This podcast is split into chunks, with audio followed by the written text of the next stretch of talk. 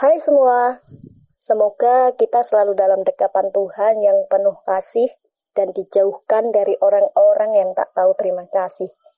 Enjoy the talk with us, listen, cause I'm here beside you.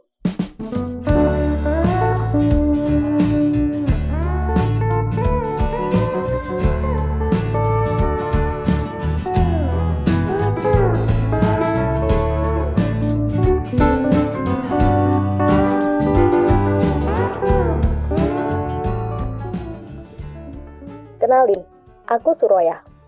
Dengan senang hati akan kuceritakan keresahan perasaanku tentang ewoh pekewuh pada seseorang.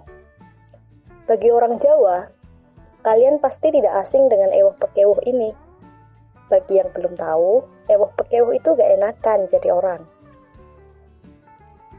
Segala sesuatu pasti memiliki kelebihan dan kekurangan, termasuk perkara ewoh pekewuh ini. Sebagai orang Jawa, kita sangat berpegang teguh pada unggah-ungguh atau tata krama. Tapi, sadar atau tidak, anak-anak milenial semakin tidak mengenal unggah-ungguh, sehingga mereka bersikap seenaknya sendiri.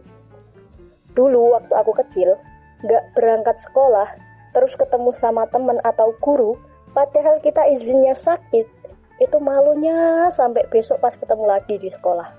Lah sekarang gimana mau malu orang sekolahnya emang dari rumah? Canda sekolah. Sebagai anak kos yang punya uang pas-pasan ngirit adalah kunci hidup penuh nyinyiran. Karena beda tipis sama pelit dan terkesan perhitungan. Sebenarnya tidak juga sih. Ngirit itu tergantung kita sedang berhadapan dengan siapa. Kalau di hadapan orang yang tahu diri, nitip makan mau bayar, utang duit mau balikin tanpa ditagih, mau diajak gantian bayarin pas jajan, itu seolah-olah ngirit gak masuk dalam kamus hidup.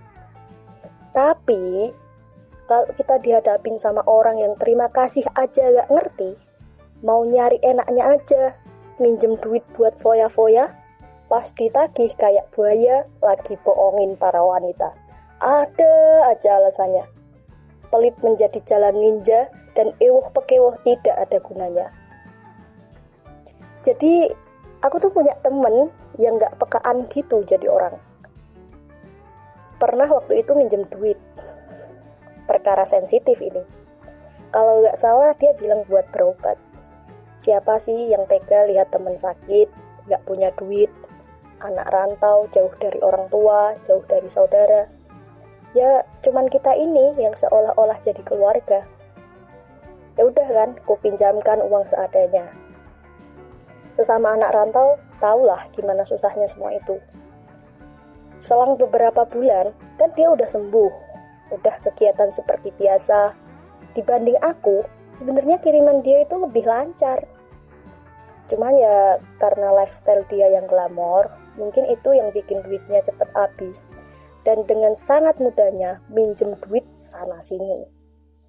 Kalau pas lagi banyak duit, lupa temen. Tapi pas lagi miskin, bisa-bisanya ingatnya ke aku. Gak ngerti deh. Nah, karena tahu dia udah well, aku yang gak enakan ini, gak enak mau nagih duit yang gak seberapa itu. Sekali alasan, duitnya buat bayar kosan. Dua kali menghindar, lah, yang ketiga kali gak dibayar uang, malah dibayar caci maki. Katanya sama temen perhitungan. Ya Tuhan, kenapa kau ciptakan dan kau biarkan manusia tidak peka ini bertindak sesukanya? Bodohnya, aku diam aja gitu. Akhirnya ya mau gak mau harus ikhlasin. Di situ aku merasa jadi orang kaya.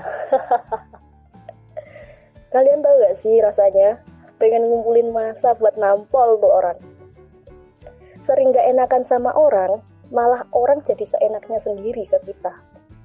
Mungkin itu cara Tuhan mengajarkan. Bersedekahlah meski berawal dari hati yang lelah. Dipaksa memberi pada orang-orang yang tak tahu diri. Atau malah justru aku, orang yang tak peka dan tak tahu diri itu. Ah, sudahlah, lupakan dan lanjutkan besok lagi. Bye.